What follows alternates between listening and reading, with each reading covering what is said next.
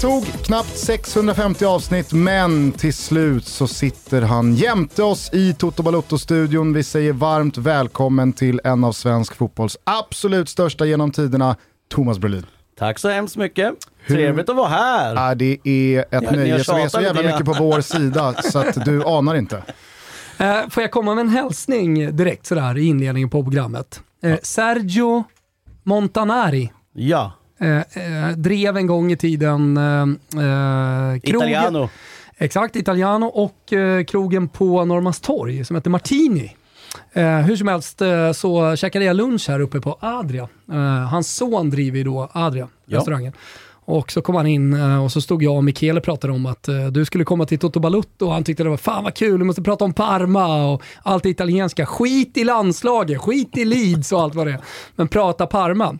En tid som för övrigt jag kan tycka liksom, har pratats alldeles för lite om. Men då lommade i alla fall eh, Sergio in, eh, Il Signore. Och eh, då sa han hälsa så jäkla mycket till eh, Thomas. Det var jättemånga år jag träffade honom och nej, vi blev bra kompisar där från Martini-tiden. Och eh, härlig familj. Ja. Hur är läget? Det är Jättebra. Har du haft en bra sommar? Ja, det tycker jag. Det var eh, mest, eller jag har varit i Sverige. Vi har haft en fantastisk sommar tycker jag. Verkligen. Och den är inte slut än. Nej, den Vi är- sitter här alla tre och svettas som grisar. ja, så är det så onekligen. Ja. Eh, jävligt roligt att ha dig här. Och det är ju dessutom så att Thomas är här i angeläget ärende. Det är inte vilka omständigheter som helst som placerar honom hos oss. Nej, men precis. Alltså den 21 augusti, så, eller fram till den 21 augusti så kan man ju förboka eh, Fifa 23 Ultimate Edition. Och eh, det kan man ju tycka är så här, ja, men det är många som lyssnar på det här som är taggade för att göra det. Det är en högtidsstund för Ja, många. men det är, det är en högtidsstund. Eh, Thomas Brolin är alltså eh, FUT 23 Hero. Och det innebär, jag vet inte om du har du koll på vad det innebär? Inte allt, alltså det, är- jag är ju ingen Fifa-kille så här men de hörde ju av sig och eh, funderade om jag ville bli en hero och jag bara hopp, vad innebär det? Jag ska kolla lite grejer. Så jag kollade med sönerna och de bara what? Det är klart det ska vara med där. Så då förstod jag, aha det här är nog något värre och bättre än vad, vad jag vet. Men under den här tiden så har jag ju fått lite info och fakta absolut. Men jag tror nog inte jag fattar fortfarande vad det, vad det innebär för de yngre generationen om man säger så. Ja, du tror ju att det är stort att vinna VM-brons och cupbucklor nere i Italien, men Ja. nu, nu snackar vi. Ja, men det, är- det är en sak att vara FUT 23 Hero, alltså vara FUT 23 World Cup Hero, eh, alltså extended version som kommer lite senare i, i november. Det, det är ännu fetare och eh, Thomas släpps ju som The Tornado, såklart från din målskytt, eh, målgest eh, såklart. Ja. Den där målgesten är ju för övrigt eh, dagsaktuell. Både jag och Brolin har ju väldigt mycket intresse i eh, travet. Och Mats E. Ursäkta, Djuse. utelämnar ja, du ja, mig? Jag utelämnar Alltså, dig jag, här. jag och Du- Daniel du, Olenklint har en häst som springer ner på Utah Beach just nu för att komma tillbaka och vinna lopp när han kommer. eh, Lite rehab.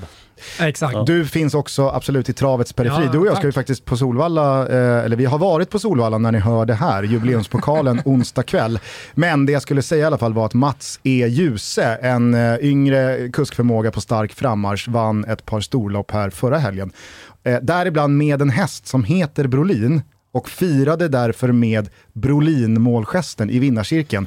Höll på att knäcka båda fötterna i landningen. Såg du det här? Jag såg det, men jag tycker ändå han måste få eh, godkänt för den. Det är inte det lättaste om man aldrig har gjort det alltså. Ja, men landningen är svår. Ja, och eh, han snubblade lite grann, men han ramlade inte. Han stod på bägge, så nej. Bra gjort. Jag känner, innan du fortsätter Thomas, bara att jag vet fan inte riktigt var den där kom ifrån och när du premiärade den. Har du själv ett liksom tydligt startdatum på den där målgesten? Ja, jag trodde det. I min värld så är det ju... Du eh, skriver på för Norrköping. Eh, jag gör mycket mål där i vänskapsmatcherna och jag har ju ett mål ända sedan den dagen jag skriver på 1 januari 1990 att jag har en smygdröm att vara med i, i VM. Men jag var ju långt ifrån där då, men jag tränade som ett svin. Och det gick bra och sen möter vi Göteborg i första allsvenska matchen och Göteborg var storfavoriter att, vinna det året, eh, 1990. Men eh, de kom till Norrköping, idrottsparken. På den tiden fanns det inte så mycket sociala medier utan det fanns två tv-kanaler och två tidningar typ i Sverige och den sändes på SVT. Och jag visste att jag måste göra lite mål här för att, ja, att någon ska få upp ögonen för mig. Just det. Och eh, vi vinner med 6-0 och jag gör tre mål. Så då jag gör mitt första mål, då blir jag nog så glad att jag visste inte vart jag skulle ta vägen. Då bara hoppade jag upp och då kom den där av sig själv. Det var ingenting jag hade... Ingen inspiration från någon eller att du Nej, hade sett utan den det någon var mer annanstans? att uh, lättnad att nu jäklar är jag på G. Och, eh, och så kom jag ihåg, då gör jag andra målet och så kom jag på, just det, jag gjorde någonting på det första målet. Och då gjorde jag den snurren också då, eller piruetten eller hur man vill säga, andra mål och så gjorde jag tredje och gjorde likadant och sen dagen efter så stod det i de här två tidningarna som vi hade på den tiden att eh, målgesten fanns ju inte så mycket på den tiden. Jag var väl en av de första som började med det. Och sen, har, eh, sen kommer jag ihåg det alla mål jag gjorde efter 1990. Men sen har jag sett mål från GIF Sundsvall. Då gör jag piruetten ett eller två mål utan att jag vet om det. Mhm. Men då var det ingen som skrev om det, så jag visste inte ens om det. Det hände här såg jag bara för ett år sedan. Okej. Så det, i min värld så är det Norrköping i samband med att jag gör tre mål mot Göteborg. Men jag hade gjort det utan att jag visste om det. Otroligt. Har du Eh, tänkt på Thomas att den har fått vara i fred? Ja, men det är otroligt för att många målgester eh, liksom repeteras och återupptas av yngre spelare då som har sett sina idoler göra mål. Men jag tror att den, eh, alltså den har fått vara i fred från världsfotbollen, men jag tror att på många division 3-4 arenor så har den upprepats. Jag har aldrig sett den och då har jag spelat mycket division 2 division 3-boll. Jag tror att den har fått vara i fred av 100% respekt bara. Ja. Det där Ja, är yngre Brolins. generationen vet i alla fall under 90-talet. Det, då var det ganska mycket jag fick veta ja, ja, herregud, jag är född 79, så, så för, för min Men del på 90-talet. Problemet är väl att den är så svår så är det ingen som vågar.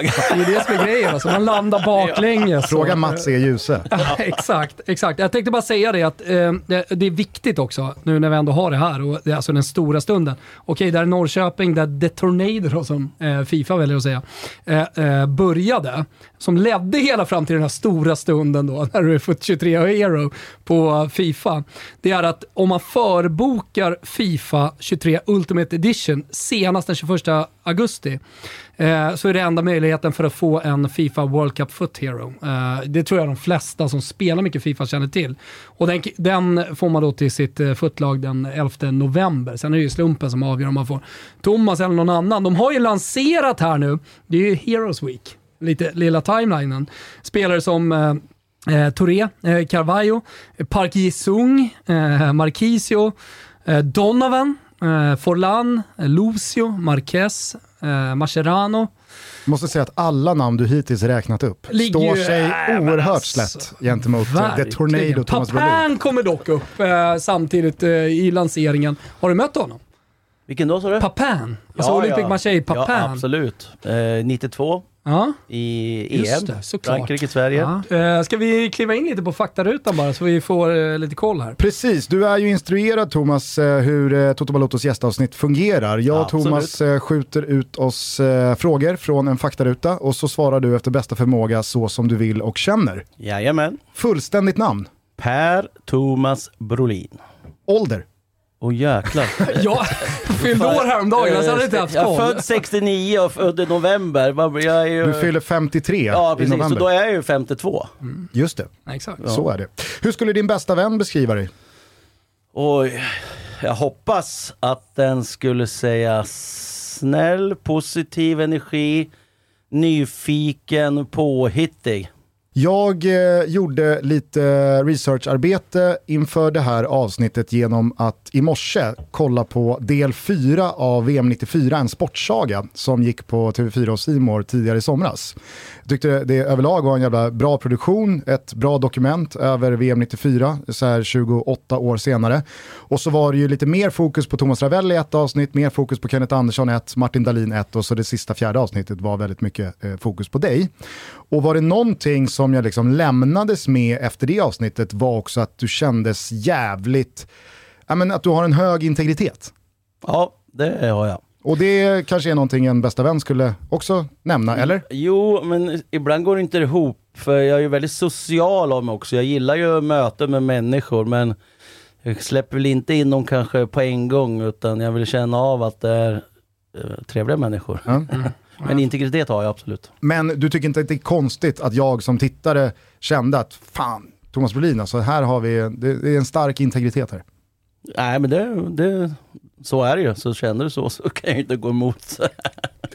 Tyckte du att det var rätt eller fel av Helsingborg att kicka Sören Kratz efter dennes förvisso alldeles för långa men också fullt begripliga ärevarv på Söderstadion 2002? Kommer du ihåg den här situationen? Kommer ihåg lite, men nej, det tycker jag inte. Du tycker inte det var fel av Helsingborg? Jo, Du tycker det var fel? ja. Ja. Att han, ja, det var, alltså, det var inte fel av honom och göra ärevarv, tycker jag inte. Nej. Vad lägger du pengar på? Ja, familj, resor, trav. Ja, Det är lite som vi då, eh, kan man ju säga. Trav, eh, resor, vad, vad är favoritresmål? sista åren har det blivit att det blir mycket Palma. Mm. Det har fastnat i, för mig och min frus hjärta. Inte Parma då? Nej, men det är många som då jag säger Palma, ha vad kul det ska tillbaka till Parma. Nej, det var inte det jag sa. Men... Parma, eh, Palma och Parma är en stor skillnad. Alltså Parma, visserligen då matmässigt, måste vi ju höja över Palma. När du och jag sitter här som har jo, bott i Italien båda två. Absolut, det finns ju många härliga råvaror i Parma. Mm. Parmaskinka och prosciutton är väl mest välkänd. Men de saknar havet, Ja, tyvärr. och de saknar ett lag i högsta ligan, vilket inte Palma saknar, för Mallorca är där i Spanien i högsta det. ligan. Så är det. Eh, Jag har bara en fråga eh, angående pengar. Du får väl säga till om det blir för eh, liksom, eh, privat. Men vi har ju suttit här med en del spelare från den äldre generationen som var några av Sveriges absolut främsta spelare. Men de var eh, aktiva under en tid där pengarna inte var i närheten av lika stora som de är idag. Således så finns det ju liksom mer marginalspelare från Sverige idag som tjänar eh, hur många miljoner som helst på sin fotboll.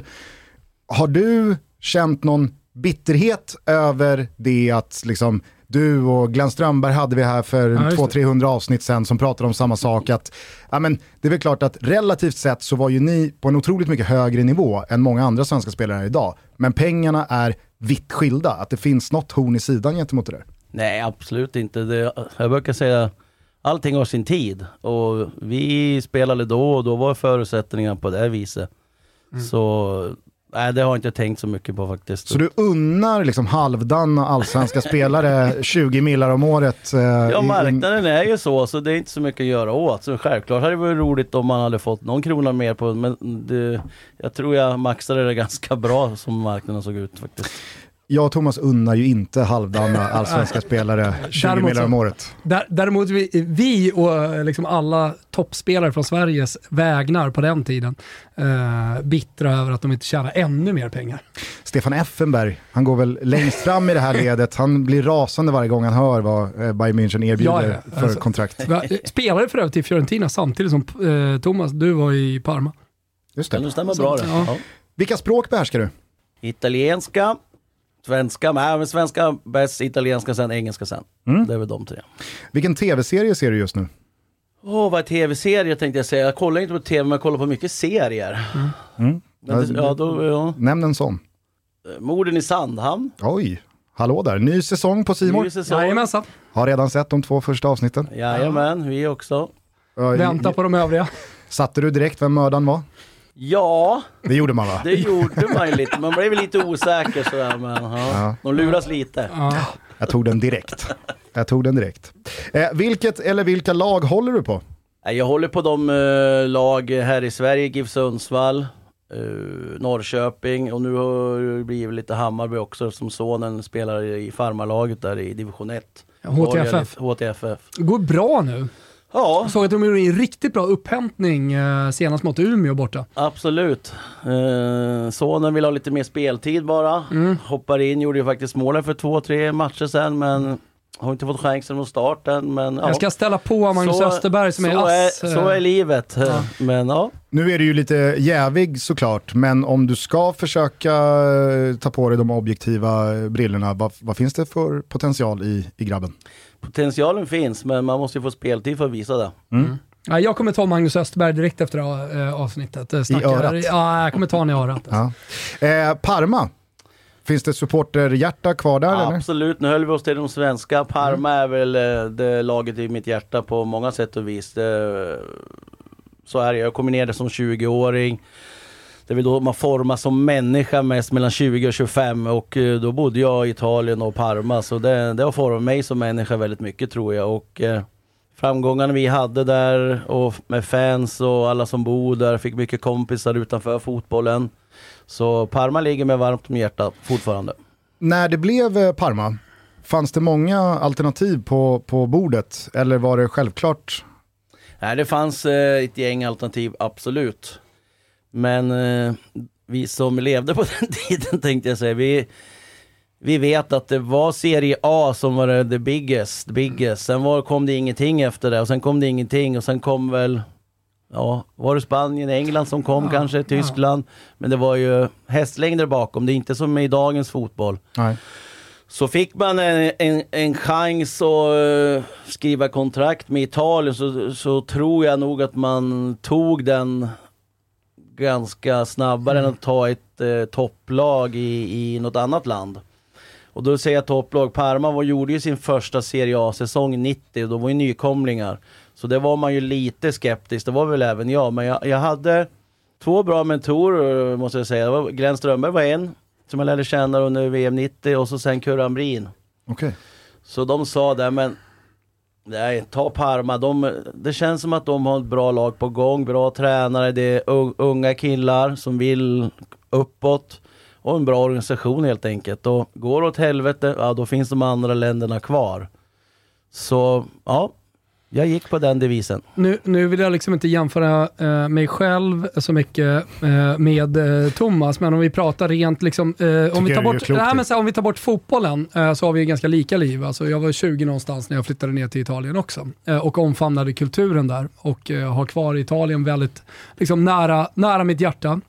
Eh, men jag skulle vilja liksom lägga ett annat perspektiv som du säkert har hört många gånger. Eh, många lite äldre supportrar liksom, som, eh, som har beskrivit för dig. Men, men för mig så var ju svensk fotboll, jag är född 79, för mig så var ju svensk fotboll, både klubbfotboll och landslagsfotboll, ganska ointressant när jag, när jag växte upp på 80-talet. Varför vet jag inte, men jag, alltså, eller så här, jag, jag, vet att det var en svensk fotboll på klubblagsnivå, men även landslaget som inte intresserade mig. Det var inte tekniskt, det var inte fartfyllt, utan det var liksom eh, Marco van Basten, Diego Maradona, Zico, de spelarna som jag verkligen älskade. Uh, och sen så kom eh, VM 90 och då började surret om Thomas Brolin komma. Fortfarande var jag inte alls såld liksom, på svensk fotboll.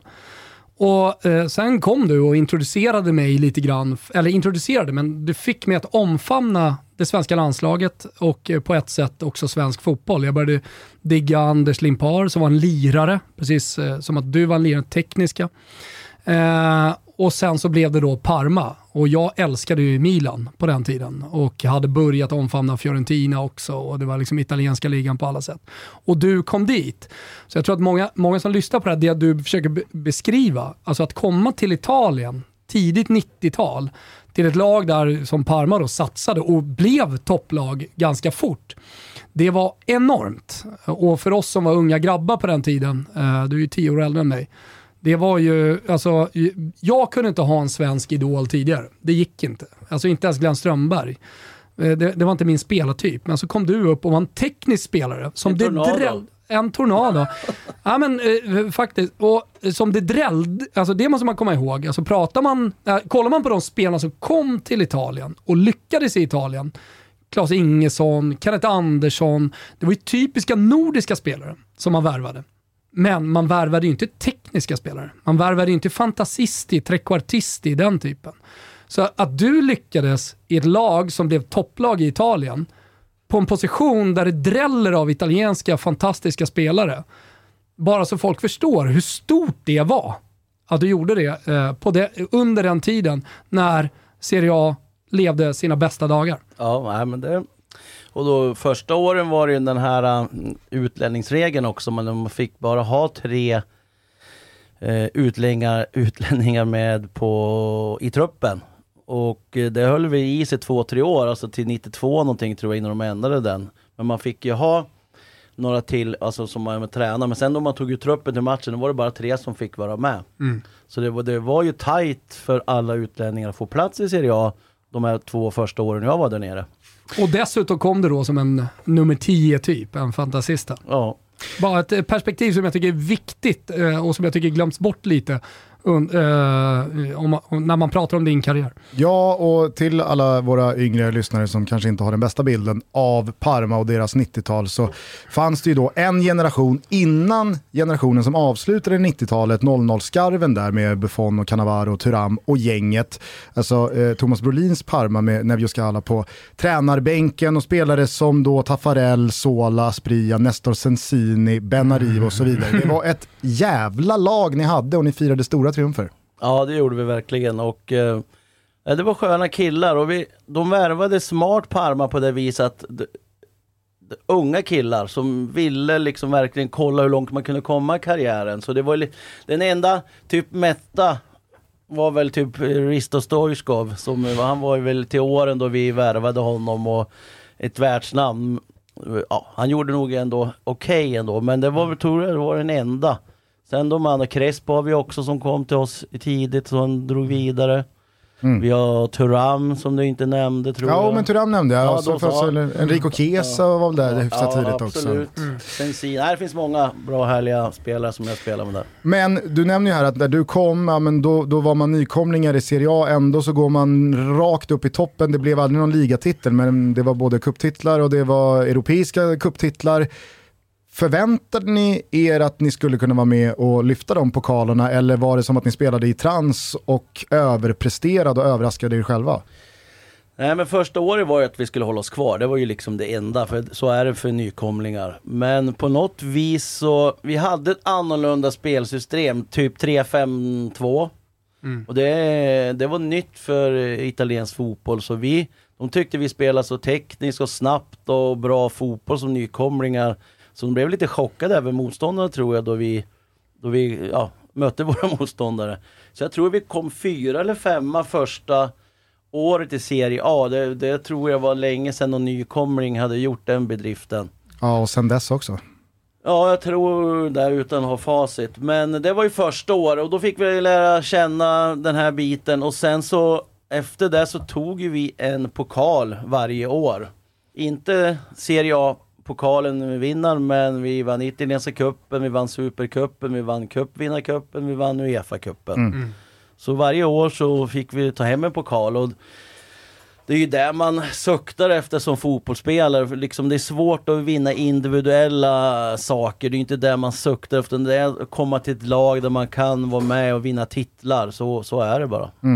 Sen är det ju faktiskt eh, liksom Parmas storhetstid, sen har det varit eh, många ägare efter det. Eh, men det staden minns och det man eh, eftersträvar eller längtar till eller drömmer om är att komma tillbaka dit och, och kunna vinna, tit vinna titlar igen. Absolut, så är det ju. Det är inte Manentis Parma. Manenti hade en svagare period, även om det var stök även med Thomas eh, ägare i slutet på 90-talet. Har du någon relation till någon från det här gänget än idag? Absolut, det har jag. Vilka då? Hemligt? Nej. Nej, det kan väl Nej, bjuda på. men Sola och jag har bra kontakt. Eh, Vi bodde även grannar i Parma, så vi har hållit eh, kontakten under alla år. Okej. Magic Box. Eh, Minotti la kaptenen. Vi delade rum. På den tiden delade man rum två och två. Och även George Gryn, Belgan, Taffarel, Benarivo, Men, Marco ja, fi- Ossio. fi- finns det, finns det liksom så här, eh, återträffar som är spikade? Där ni träffas och Nej, liksom, eh, Parma har väl inte en storklubb. Det är många storklubbar som kör så. Men vi i Parma hade här, kan det vara, fem, sex år sedan nu. Jag tror de fyllde 100 år. Mm. Så då slog de på trumman och bjöd in eh, ja, alla stora spelare. Så det var någon internmatch där och det var fullt på läktaren och det var middagar och prisutdelningar och grejer. Så det var väl en grej. Sen var jag ner något år tidigare på någon, någon grej där. Så Mm. två större grejer har väl de gjort efter att jag spel, eller slutade spela fotboll i alla fall. Det där är ju annars en jävla liksom, tydlig kulturkrock vad gäller svensk fotboll kontra internationell fotboll där det kanske lite är ja, men det, det, är lite mer av eh, en, en konkurrenssituation, en äta eller ätas-kultur. Man kommer från olika länder, man pratar olika språk. Det blir inte den här sammanhållningen som det ofta blir kanske i svenska lag, där man också blir kompisar och man umgås på fritiden. Är det där en felaktig bild eller var det, alltså, var det en stor skillnad mellan att spela i IFK Norrköping och i Parma? Jag tror den här bilden du ger är ganska normal, men i Parma var det inte så. Nej. Och det var väl en av de här positiva faktorerna att det gick så pass bra för oss. Att vi, vi, vi var väl unga och dumma tänkte jag säga. Alltså vi var där mellan 20 och 25 år de flesta och ville verkligen gjorde allt på träningar, vi ville vinna och vi, och vi visste vi behöver varandra för att eh, vi ska kunna vinna. För vi var ett yngre lag. Så jag kommer ihåg, vi hade ju, ja, vi som inte hade barn och måste hem till dem, vi, hade, vi käkade ju luncher väldigt ofta ihop efter träningar och vi var väl en 10 pers, 12 och ibland fler. Så vi, jag tycker vi, vi var, men det visste man ju inte då, att det var annorlunda. Jag tror, men jag tror faktiskt Parma var lite annorlunda med den gemenskapen. Men det var, det var en plusfaktor för oss. Är det sant att du fick Claudio Taffarel att börja snusa? Nej, Det är felaktigt. jag har aldrig snusat hela mitt liv. Jag, jag, jag, Så jag det vore konstigt om jag lurar på honom. kanske introducerade honom för det då? Nej, och, och jag, vad jag vet så snusar inte Taffarel. Nej, jag, Det- jag, det är jag, jag säger jävligt- bara att det ryktet ligger där Ja, ute men och eh, guppar. Buffon snusar. Buffon? Ja. Ja, men det är ju Men jag jättepopulärt. lurar inte i han heller, men han hade väl någon annan svensk Varför det? Ta en snus. någon gång. Men då, jag kommer ihåg Buffon, då han var här, jag tror Juventus mötte AIK. Då hade vi kontakter och sa, kan inte du komma med två limper snus till mig? Jo, jag fixar det. Så. Ja, men, eh, det har ju blivit superpopulärt i Premier League. Jag såg eh, någon lista, var det från Steven Gerrard, där det var liksom så här regler i omklädningsrummet. Där liksom huv- första regeln, som var helt viktig, det var no fucking snus on the floor. Ja, man det borde vi sno hit till kontoret. Ja, herregud ja. Eh, Okej, tillbaks till faktarutan. När du tänker på Zlatan Ibrahimovic, vad tänker du på då? Fantastisk fotbollsspelare. Hur ser er relation ut? Eh, Jag har träffat honom några gånger. Han har skrivit autografer till min son. Det var ett gäng år sedan. Så ja, de få gånger vi träffas så pratar vi med varandra i alla fall. Om, Ja. eh, jag tänkte bara säga så här, om, eh, nu, nu har jag också på senare år, i och med att jag bodde i Florens och eh, både Marianne och Kurre är så eh, hemskt snälla mot alla unga svenskar som flyttar dit, också lärt känna Kurre. Så jag vill liksom inte glömma bort honom lite, men om jag säger så här efter eh, 50-talet, 60-talet, eh, om vi pratar om de eh, största svenska fotbollsspelarna genom tiderna. Om jag säger Zlatan Ibrahimovic och eh, Thomas Brolin, protesterar du då? Nej, jag var ju med där på ett hörn, eller hur? Ja, Ja, då med. jag inte. Nej, ja, vad fint. Nej, men, ö, och, ö, jag vänder mig till Gusten då. Alltså, Nej, om jag säger Zlatan bara- och Thomas, alltså är de två största spelarna genom tiderna. Nu fick Thomas lite ångestpåslag här för att han måste vara lite ödmjuk här. Ja, Nej, absolut inte. Nej, men man ska komma ihåg det. Det är ju olika tider. Man får inte glömma Grenoli tycker jag. De gjorde ju fantastiska eh, grejer där nere tillsammans med Kurre Hamrin och många andra. Alltså, de banade vägen verkligen för oss, ut- inte bara svenskar utan även utlänningar. Nej, men det, det, det är helt sant. Framförallt så tänker jag, och det är väl lite odiskutabelt, att Thomas och Zlatan har ju lite samma roll för olika generationer. Alltså den stora Det jag beskrev landslagsidolen. tidigare Precis. eh, är, ju samma som många yngre beskriver kring Zlatan. Spelar Mm. en fotboll som mm, jag i alla fall inte hade sett svenska fotbollsspelare göra tidigare när jag beskrev dig, så är ju Zlatan lite på samma. Att han spelar en fotboll som man inte hade sett en svensk fotbollsspelare göra tidigare. Det jag tycker är liksom det stora, att man ah, spelar en fotboll som helt enkelt är unik. Är du för eller emot pyroteknik? Eh, På, nu menar du på arenor? Är Ja, det det du menar? ja. ja. Absolut. Jag vet inte hur dina födelsedagsfester går till. men- Nej, exakt. Det låter kul. Nyårsafton. Nej, jag vet inte. Det var en jävla svår fråga alltså. Jag klarar ju mig utan det där. eh, Och försenade matcher 15-20 minuter. Eh, Det gör jag faktiskt. Men det var lite adrenalinkick när det brann på läktarna och man kom ut. Nej, på arenorna i jag, Italien. Jag Nej. stängde ju av ganska bra på det viset. Det, Då är det bättre med ett jubel bara och applåder och skrik. Ja. Eh, Ja. Vem, vilka eller vad hade du på väggen i pojkrummet? Samantha Fox. Fan, där, där är vi också lika jag och Thomas. Underbart. Vilken är din absolut fetaste fotbollsupplevelse? Nej, men det måste man. Om man tar klubblag så är det ju eh, Wembley då vi vinner cupvinnarcupen 92 är det va? Mm. Det var ju mäktigt och Wembley säger vi svenskar kollar mycket tips extra. Wembley är ju en fantastisk arena där de största lagen... Det är en helig graal. Ja, och att man fick uppleva och spela där med Parma och vi Say hello to a new era of mental health care. Cerebral is here to help you achieve your mental wellness goals with professional therapy and medication management support. 100% online. You'll experience the all new Cerebral Way, an innovative approach to mental wellness designed around you. You'll get a personalized treatment plan from a therapist, prescriber, or both in a safe and judgment free space. Your cerebral therapist or prescriber will outline a customized plan with clear milestones along the way so you can get to feeling your best. With Cerebral, you're not alone in your mental health journey. We're here to empower you to live a fulfilling life. So take that first step towards a brighter future and sign up today at cerebral.com slash podcast and use code ACAST to get 15% off your first month. Offer only valid on monthly plans. Other exclusions may apply. Offer ends July 31st, 2024. See site for details. Nej, men då var ju det väldigt bra. Och cupvinnarcupen vet ju alla ni som lyssnar på Toto Balotto. Det var ju en oerhört mycket större kupp än vad kanske många kommer ihåg idag. Många yngre minns ju inte ens den. Nej, utan eh, på den tiden då var det ju den, ja det var ett lag från varje land. Om jag inte missminner mig. Ja, men Utan exakt. Det var de Ja, som vann, cupvinnare. I det här fallet italienska cupen och de, det laget som vann svenska cupen gick ju dit. så men det var ju alla- tvärfet, cupvinnarcupen alltså. Det, den vill man ha tillbaka. Ja, det var på klubblagsnivå. Jag Ja. misstänker eh, på landslagsnivå att vi Landslagsnivå ska är ju till... VM 94 Ja. såklart, med allt vad det innebär. Jag måste säga det, eh, återigen då, om jag bara eh, refererar till det här eh, avslutande fjärde avsnittet av VM 94, en sportsaga. När det är väldigt mycket fokus på dig, det är väldigt mycket fokus på då bronsmatchen, när ni kommer hem, när ni firar, att eh, jävlar vad du inte tänkte missa den stunden och liksom supa in den.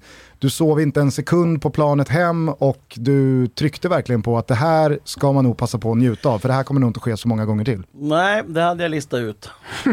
att eh, brons för Sverige i fotbolls-VM, ja det, det är svårt. Och eh, jag tänkte, nej jag ska inte sova borta på planet i alla fall. Så jag var väl den enda som var, ja piloten också. Eller de bytte väl lite grann så jag vet Jag inte. tror någon sov nog. Ja det kanske de gjorde. Jag var inne och hälsade på dem i alla fall och såg till att de var vaken. Ja, men det är ju verkligen otvivelaktigt så att eh, det, det här bronset är en bragd och det är ju en prestation som förmodligen inte kommer att upprepas framåt i tiden. Samtidigt så har man ju alltid i historieberättandet matats med att Tommy Svensson redan ett halvår inför turneringen började trycka på att vi kan faktiskt vinna den här turneringen och att ni som lag, spelare för spelare, var jävligt bra. Så att jag vet inte vad du säger, fanns det någon konflikt i det där att ni själva gick för guld, det blev brons, eller är det bara en efterhandskonstruktion och att ni egentligen kände när ni väl tog det där bronset att det här är fan en otrolig överprestation? Nej, jag vet inte hur jag ska förklara det, men 92 då fick vi ändå en liten eh, check på att vi var väldigt bra. Nu, nu var det ju bara åtta lag, EM 92, ni som inte vet, eh, det var bara åtta lag. Och det var de bästa lagen i Europa då. Vi går ändå till semifinal. Vi slår ut eh, Frankrike, England ur vår grupp som var en av de förhandsfavoriterna. Ja men det var ju en otrolig sommar. Så då liksom kände vi, vi har vi en bra dag med det här laget och att vi spelar eh, friska och fräscha och att vi är formen på topp, då, då kan vi slå vilket lag som helst. Inte 10 matcher av 10, men i alla fall en, två av 10 och då gäller det att hitta de där en, två matcherna under den här turneringen just ja, varje match. Och det gjorde vi lite granna. Sen så var det väl ingen som varken trodde eller gick ut och sa nu tror vi på VM-guld. Det, det kanske är lite överdrivet, men vi sa det att går vi vidare från gruppen, hopp, check på den och sen är, sen är det ju Sen är det match för match. sen är det match för match. Och då visste vi att då kan vi vinna mot vilket lag som helst. Bara att vi har en bra dag och alla friska och fräscha. Så det fanns en rimligheten då i att titta ner på medaljen runt bröstet och känna att ja, det var kanske inte sådär jättekonstigt att vi gick så här långt för att så bra var Nej, inte inom gruppen, det tycker jag inte. För Nej. den hade vi byggt upp sedan 92 på ett bra vis tycker jag. Att, eh, nej men, där har vi facit. Vi, vi är sådär pass bra bara vi, vi kan och vill vill man ju alltid men det kanske inte funkar. Men vi, vi, vi var en bra grupp av spelare. Vi har ju eh, alldeles nyss eh, avslutat ett Europamästerskap på damsidan där väldigt mycket av analysen efter Sveriges uttåg var det att man saknade spelare i toppform. Och hur avgörande det är under en fyra veckors turnering. Att har man bara en eller två spelare som ja, men, pikar lite där och då så kan det vara skillnaden mellan att åka ut i gruppen eller bara göra en slätstruken figur eller kanske faktiskt gå hela vägen. Kände ni det där också att fan, nu spelar vi på toppen av våran förmåga, ett gäng av er? För det var ju verkligen känslan. Och, och så var det ju, men det vet man ju inte före. Men Nej. i den här gruppen så kändes det som att eh, vi hjälpte varandra att göra oss bättre. För vi visste vi, vi alla måste stiga en, två, tre klasser för att vi ska gå långt under ett VM. Och på något vis så steg toppkammen på oss alla och alla hade sin, sina bästa dagar under VM i princip eh, då vi spelade. Och det, det är ju det som ett land som Sverige, så litet fotbollsland, måste kunna växa under en turnering. Och vi hade de spelarna eh, under de här åren som, som kunde göra det. Och varför? Ja, det är ju väldigt individuellt. Men jag tror mycket att vi hade många spelare som var ute i Europa i, i bra klubblag och hade en framstående roll. Så de kom hem med bra erfarenhet och visste att man hade gjort en bra säsong. Innan vi släpper VM 94 så måste jag bara fråga om Moose-klubben. För att eh, vi alla som har läst eh, Offsides långa reportage, Dokument 94, eh, vi, vi har ju liksom sen dess haft bilden av att ni, ni hade ett riktigt eh, rövargäng där med en del eh, upptåg. Hur mycket är bara myt och skrönor och hur mycket höll ni igång du och Klabbe och Lasse Eriksson och Anders Limpar? Nej men vi höll igång på det viset att eh, fyra, fem veckor i, på en turnering, alltså, det var ju därför vi fyra höll ihop ganska mycket. Vi var nyfikna och det fick vi vara under ja, frihet under ansvar som Tommy hade. Svenskaste vi har, Ja, så är det. finaste vi har. Många gillar att ladda upp och få positiv energi genom eh, kanske Fifa-spel, eller spela kort, eller läsa en bok, eller ut och promenera någonting. Men vi, vi kom ganska snabbt under full att vi ville gärna utforska, vi var ju på olika städer och titta vad som hände där.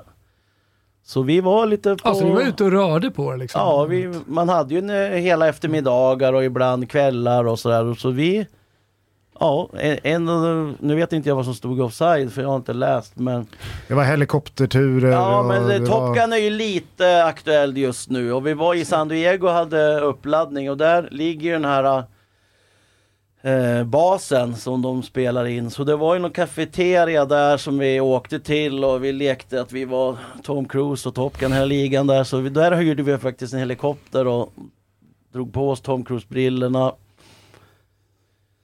Ja. Sen, sen sa vi till piloten, kör som du vill. Ja, då får ni åka. Ja, vi, vi är med liksom. Så han åkte under några broar som vi inte egentligen fick åka, om man säger så. Fan. Så det, det, var lite, det var lite coolt, men det är berätt, nu är det ju preskriberat så nu går det bra. Sannerligen. Ja, ja, herregud. Jag, jag kan tänka mig att Dejan Kulusevski just nu eh, eh, laddar upp inför match eh, eh, genom att eh, beställa hem Fifa eh, 23 Ultimate eh, Team. Ja, men alltså, och, och, har, och, och, har, och ser fram emot 11 november eftersom eh, Thomas inte bara är vanlig foot utan även Fifa World Cup foot hero. Där kommer ju liksom the tornado. Det ser man fram emot. Verkligen. Eh, vi ska eh, snabba på, vi, vi börjar bli långa, Ja. men det finns en del frågor till som vi vill ha svar på. Är du för eller emot VAR? Eh, jag tycker det är bra. Men det går ju snabba på det lite, tror jag. Och det, och det görs det också, tror jag, under tiden. Verkligen. Det kommer. Finns det någon från fotbollsvärlden som du hade velat dela en flaska vin med? Som du är lite nyfiken på? Nej, det har jag gjort redan tänkte jag säga. Har man varit med i Så Moose-klubben? de, de du har, har sett dela en flaska vin med, har du delat en flaska vin med lite grann? ja, men jag har delat med Maradona och, Vi startade ju faktiskt en fackklubb, eller han och Cantona drog igång och jag var ju med, vi var ju 12 stycken på första mötet. Så Alltså då- Parma-tiden pratar vi. Ja, precis. Otroligt att Maradona är med i facket. Ja, det hade jag Ja, faktiskt... det var lite eh, annorlunda att han och Cantona o- drog igång. oväntad facklig duo. Vi, vi träffades i Paris och la upp riktlinjerna om man säger så. Då vann vi med en flaska vin. De, de övriga nio, var det, var det liksom namn på, på samma nivå eller var det en bit ner i? Ja, vi var, jag tror vi var fyra från Parma som åkte över. Jag tror Sola var med, Minotti, Apollon och jag. Och sen har vi, eller Lauren Blanc var ju med, målvakten i Belgien var med, Pronom? Prodomia. Och så var det Cantona och Maradona och så var det Vilken väl, liga alltså. det var några till. Fan om inte Fifa ska ska- skapa ett eget lag med bara med fackrepresentanterna och fackliga 90-talsfacket. representanterna. Exakt. 90-talsfacket. Det var, det var annat än eh, Tomasi blev eh, facklig representant i... Han i- gör det bra. Han gör det bra. Favoritarena? Oj. Nej, men Wembley är ju ändå, men jag har inte, har inte spelat med Parma såklart. Jag spelar ju många hemmamatcher. Det var ju ändå... Tardini. Tardini, den blev ju en borg för oss. Vi förlorade inte många matcher. Så. Men utanför Parma då, så Wembley och jag tycker San Siro är en väldigt bra fotbollsstadion. Nära, jag gillar då läktarna nära, inte de här jäkla springbanorna runt omkring. De går bort. De går bort. De går bort. Mäktigaste numret som du har i din telefonbok?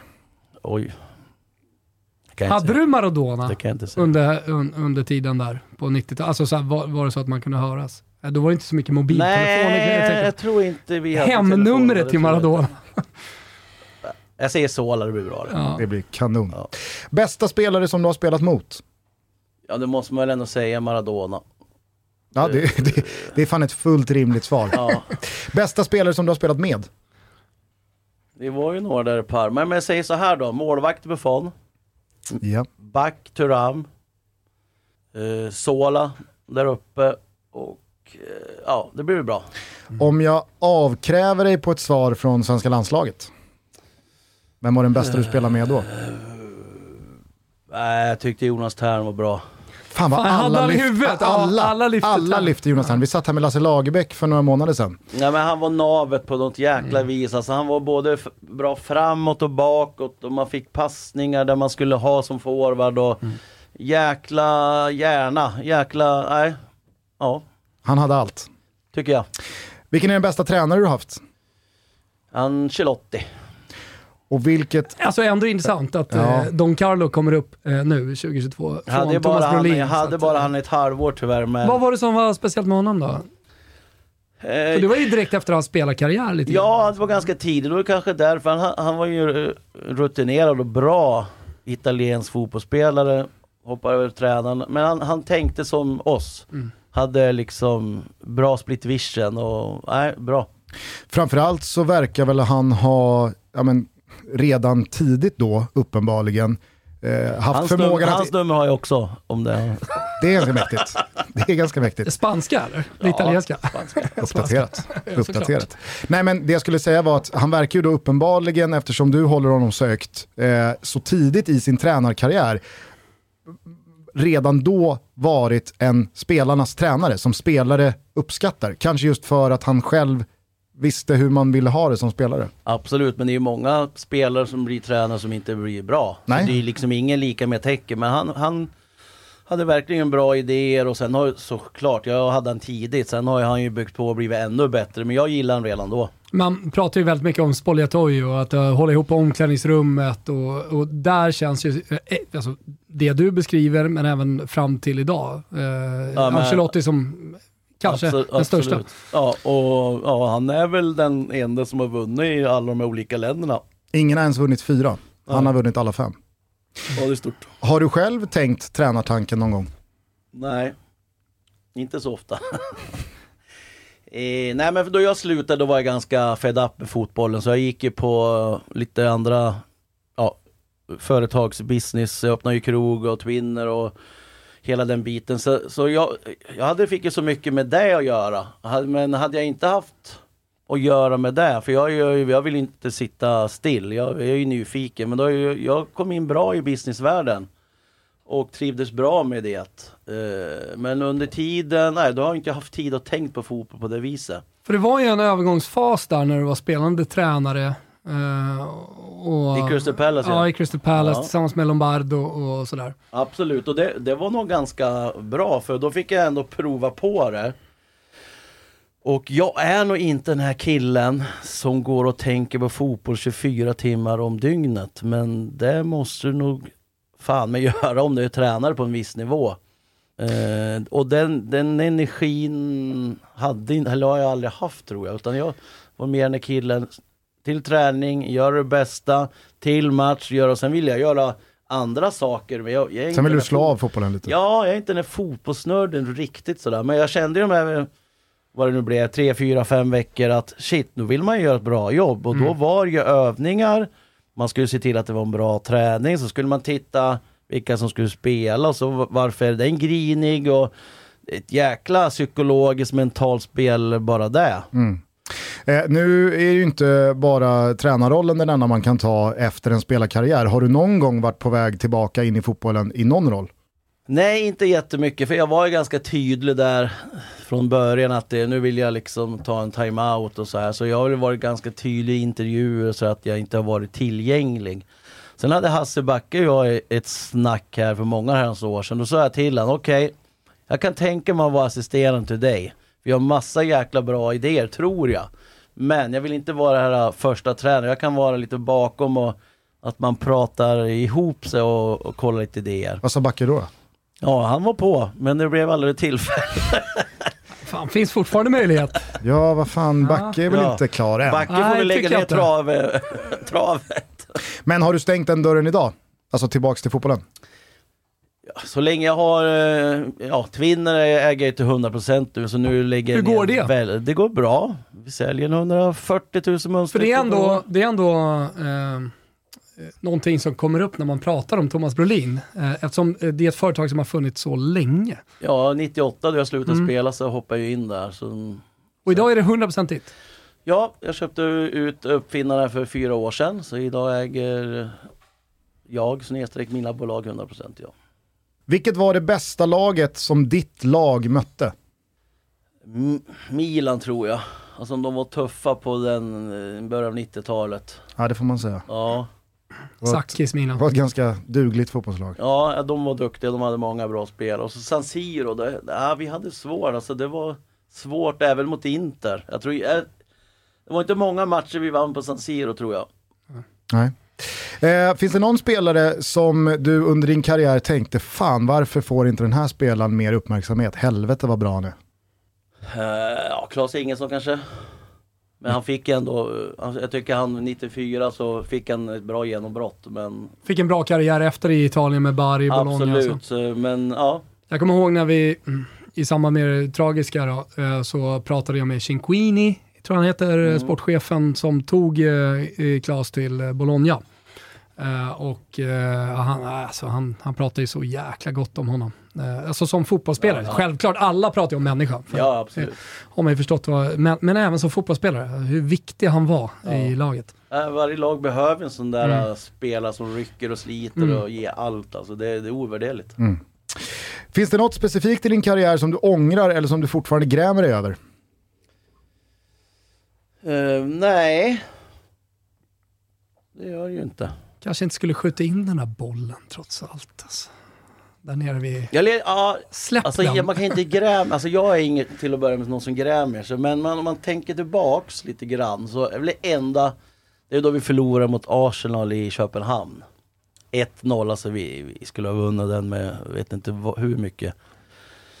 Grejen är att jag har två jättechanser att stå 0-0. Eh, Vad pratar vi för match och sammanhang här? Så att, Cupvinnar cupfinalen 94 är det nog va? Ja. Mm. Mot Arsenal. Och jag har chansen att göra två mål innan, ja då står 0-0. Så sätter jag någon av dem, då vet jag, då vinner vi matchen. För Arsenal hade ingenting. Sen, men då är, jag kommer fri, skjuter insidan stolpen, rullar med linje och så i princip tar den nästa stolpe och går ut. Och nästa är att det är en bra läge med nick och jag tror han räddar uppe vid ribban eller om jag träffar ribban, jag kommer inte ihåg riktigt. Men det var Det var två riktigt bra chanser och jag vet, gör jag nu i efterhand, gör jag målet då vinner vi. För Arsenal gör ett flaxmål och sen ställde de bussen hemma som man säger och, och, och så skrämde de våra forwards Sola och Asprilla den gången. De, de ja, hotade väl de där vad jag förstod så de bara försvann ur matchen. Ja, men alltså, det, det, är, det är en regel i fotbollen som eh, kommer tillbaka alltså, hela tiden. Alltså, sätter, sätter man inte de där jävla lägena som man har, då, eh, Ja. då kommer fakturan. Men det är ingenting jag kanske gräver men jag vet... Du ja, tänker inte på det varje morgon du Nej, vaknar? men det är typ shit. Ja, jag vet att vi hade vunnit den om vi hade satt det. Men ja, En till. det är vad jag tror i alla fall. För eh, många av våra yngre lyssnare så kan det ju vara värt också att påminna om att du slutade som 28-åring. Var det någonting som du ångrade någon gång ett halvår senare eller ett år senare? Eller har du aldrig ångrat det?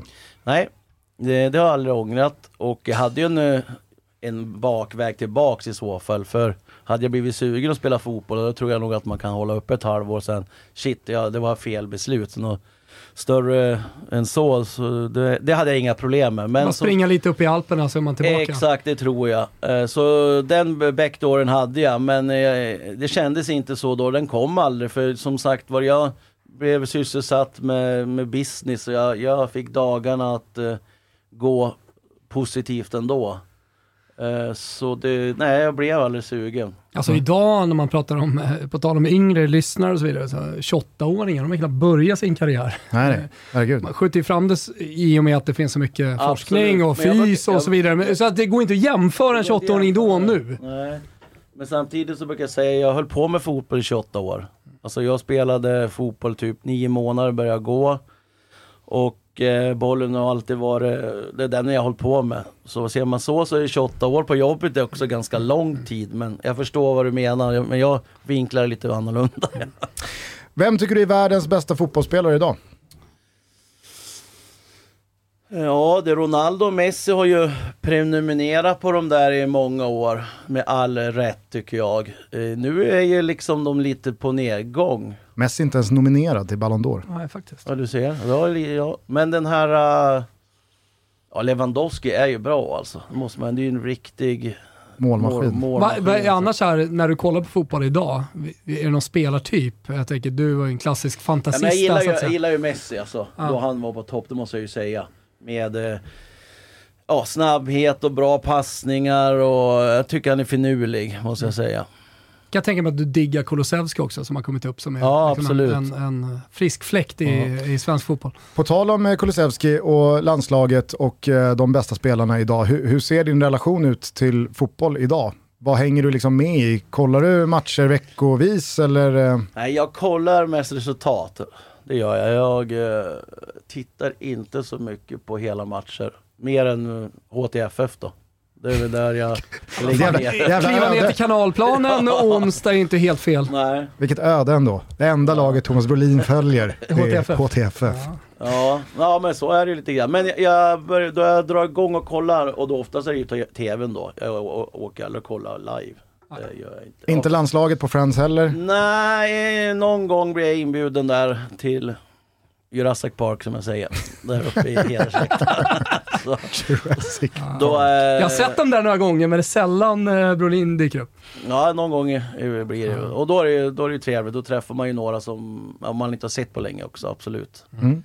Men, men då Champions League drar igång med kvartsfinaler, då, då kan det hända till och med jag sätter mig i soffan och kollar. Ja, och självklart då Sverige spelar landskamperna. Men då tittar jag ofta på TV, ja. Underbart. Eh, Jag börjar känna mig nöjd. Det var faktarutan i alla fall. Jag vet inte om du Thomas vill eh, nämna eller prata om Alltså något jag, annat. skulle, jag skulle ju kunna sitta här och prata liksom Parma-tiden, för den, det är den, den tiden som jag tycker är lite bortglömd, även om det var liksom den största tiden från, eh, eh, liksom om jag kollar på, tillbaka på Thomas karriär. Eh, det blir ju sånt extremt fokus i Sverige från medias håll och har blivit också på eh, VM 94 och resan. Och jag har ju också sett de här fyra delarna och jag kan konsumera hur mycket som helst, men Ja, men det är kul Ändå- att, det är ändå kul ganska att du lite gillar Parma, liksom. Så det är inte många som har koll och då kommer vi tillbaks liksom att det var två, var tre kanaler. Det var TV3 som sände Serie A börja på och det blev ju ganska hot. På Alltså den One vägen. Kryssdo Ja. med, Thomas med, Nordahl. med Nordahl, eh, det var ju liksom också eh, ytterligare en djupdykning för min del. tiden om man säger så. Exakt, och det var ju det man kollade på, speciellt när han eh, liksom åkte runt. I pauserna var det ju, alltså halvtid. Och, och så Laga var- lite mat och dona på där. Exakt, laga lite mat. Det var ju såhär, solens mat, eh, Sen lyfte det ju med fotboll. satan när Klas Åkesson klev in. Alltså, Ja, men det tycker du väl? ja, jag vet inte fan, gjorde det det? Ja, ja, det ska han ha Klas. Ja, okej, ja det kanske han ska ha.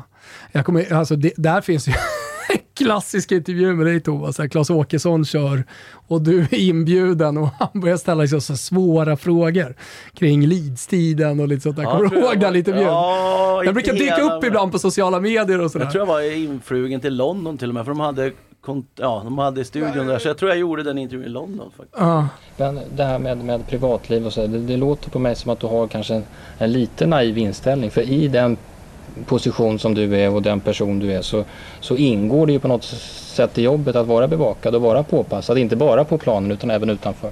Jo, men det är väl ingen naivt att eh, vara sig själv. Varför ska jag ändra mig för eh, om jag är en dålig eller bra fotbollsspelare? Tycker du det är naivt eller? Minns du den? Nej, inte i detalj, men jag vet att jag har gjort den, absolut. Ja, jag kan tänka mig att det var lite surr efter den intervjun också. Men eh, hur, hur eh, ofta befinner du dig i eh, Parma idag? Nu har det ju varit pandemi och märkliga två år tillbaka absolut. i tiden. Men, Nej, eh, men en till två gånger per år, beroende på lite ja, vad man ska göra och sådär. får du vara i fred då eller? Ja, alltså Parma var en bra stad på det viset att man fick vara ganska mycket, det är inte som i de södra städerna men vi- jag har alltid haft en bra relation med, med folket i, i Parma. Alla var ju fans liksom, men de var bra fans så det är bara kul att gå på gatan de kommer ju fram och säger Tomasin och, Brollin och vilken goal och allting sådär. Så det, Ja, men, och det, det kan man ju säga, alltså, jag som har eh, rest runt lite, ofta som Fiorentina-supporter, kommer till borta eh, sektionen, men även åkt lite som neutral supporter också när jag jobbar för Expressen och sådär. Eh, så sätter du en taxi i Bologna, då börjar de prata om Kenneth Andersson och eh, Claes Ingesson. Sätter du en taxi i Parma, då jävlar. Då, och säger att du är svensk, då, då, då pratas det Brolin. Jag klev av någon Och alla har ju, jag ska bara säga det, alla har ju sina minnen. Någon kommer ihåg en dribbling, en bortamatch, någon kommer ihåg när de var på sin första match och du gjorde någon jävla drömmål eller någon drömpassning eller sådär. Och det, det tror jag, alltså sådär, eh, när, när vi minns 94, eh, alltså det är ju ingenting jämfört med hur stor du är i Parma. Nej, och det, så är det ju. För det var ju en vardag för det, dem. Det var ju en vardag för mig, det var ju inga journalister där nere i princip och kolla hur läget var där. Utan det, den kom- Kapelin eh, dök väl upp där? Ja absolut, men hon bodde ju i Rom så hon var inte så jätteofta i... i... Hon var ju mer italienska än ja, ja, svenska. Thomas Brolin har tagit Parma med storm. Lite så. Snyggt! Ja tack, fan vad den satt. Helvete vad den satt. Gustens Nej, men jag, jag klev av någon outgrundlig anledning in på en italiensk restaurang på den thailändska ön Koh Lip. Det vet ju du att, alltså, du hatar att man ens tänker tanken att Ja. fan om inte jag ska käka italiensk mat här i Thailand. Men den drevs i alla fall av en herre från Parma och när han insåg att vi var svenskar, då var det alltså hela måltiden. Så det skulle bara, skulle bara pratas Thomas Brolin på 30% italienska, 70% knackig engelska. Det var en fin stund. Så att, eh, jag kan väl verkligen voucha för det där också. Att eh, en svensk i Parma får bara prata om dig. Så är det. Och det eh, påminner då, eh, sista gång om att eh, 21 augusti är datumet för att förboka Fifa 23 Ultimate Edition och eh, då få en Fifa World Cup Foot Hero till sitt footlag den 11 november. En av dem är The Tornado, Thomas Brolin. Ja, en av 20 tror jag i hela världen var det, va? Jajamensan. Och avslutningsvis, alla vi som hoppas på ett nytt släpp från Friends in Need. Ja. Kan vi sluta hoppas eller eh, lever, lever drömmen? Du tror jag det, det, uh, drömmen, uh, Bucket List gjorde vi en singel, det, det räckte bra. Får se om det kommer en engelsk version, All of us. Ja, det tycker jag. Alla våra gäster får ju avsluta sin episod med valfri låt. Ska vi kanske gå ut på alla vi eller vill du eh, avsluta med en annan dänga? Nej, det går bra. Alla vi håller en. Du får välja mellan den eller den andra då. Du får, får ta vilken det Ja, då blir det alla vi. Alla vi. Ja, det är fint. Eh, vi lyfter på hatten och säger stort tack Thomas för att du kom och gästade Toto Balotto. Tack Stort så tack. mycket, trevligt att vara här. Ha en fin avslutning på sommaren så ses vi och hörs vi säkert och förhoppningsvis snart igen. Det gör vi. Ha Ciao. det gott. Ciao, ciao. Tutti.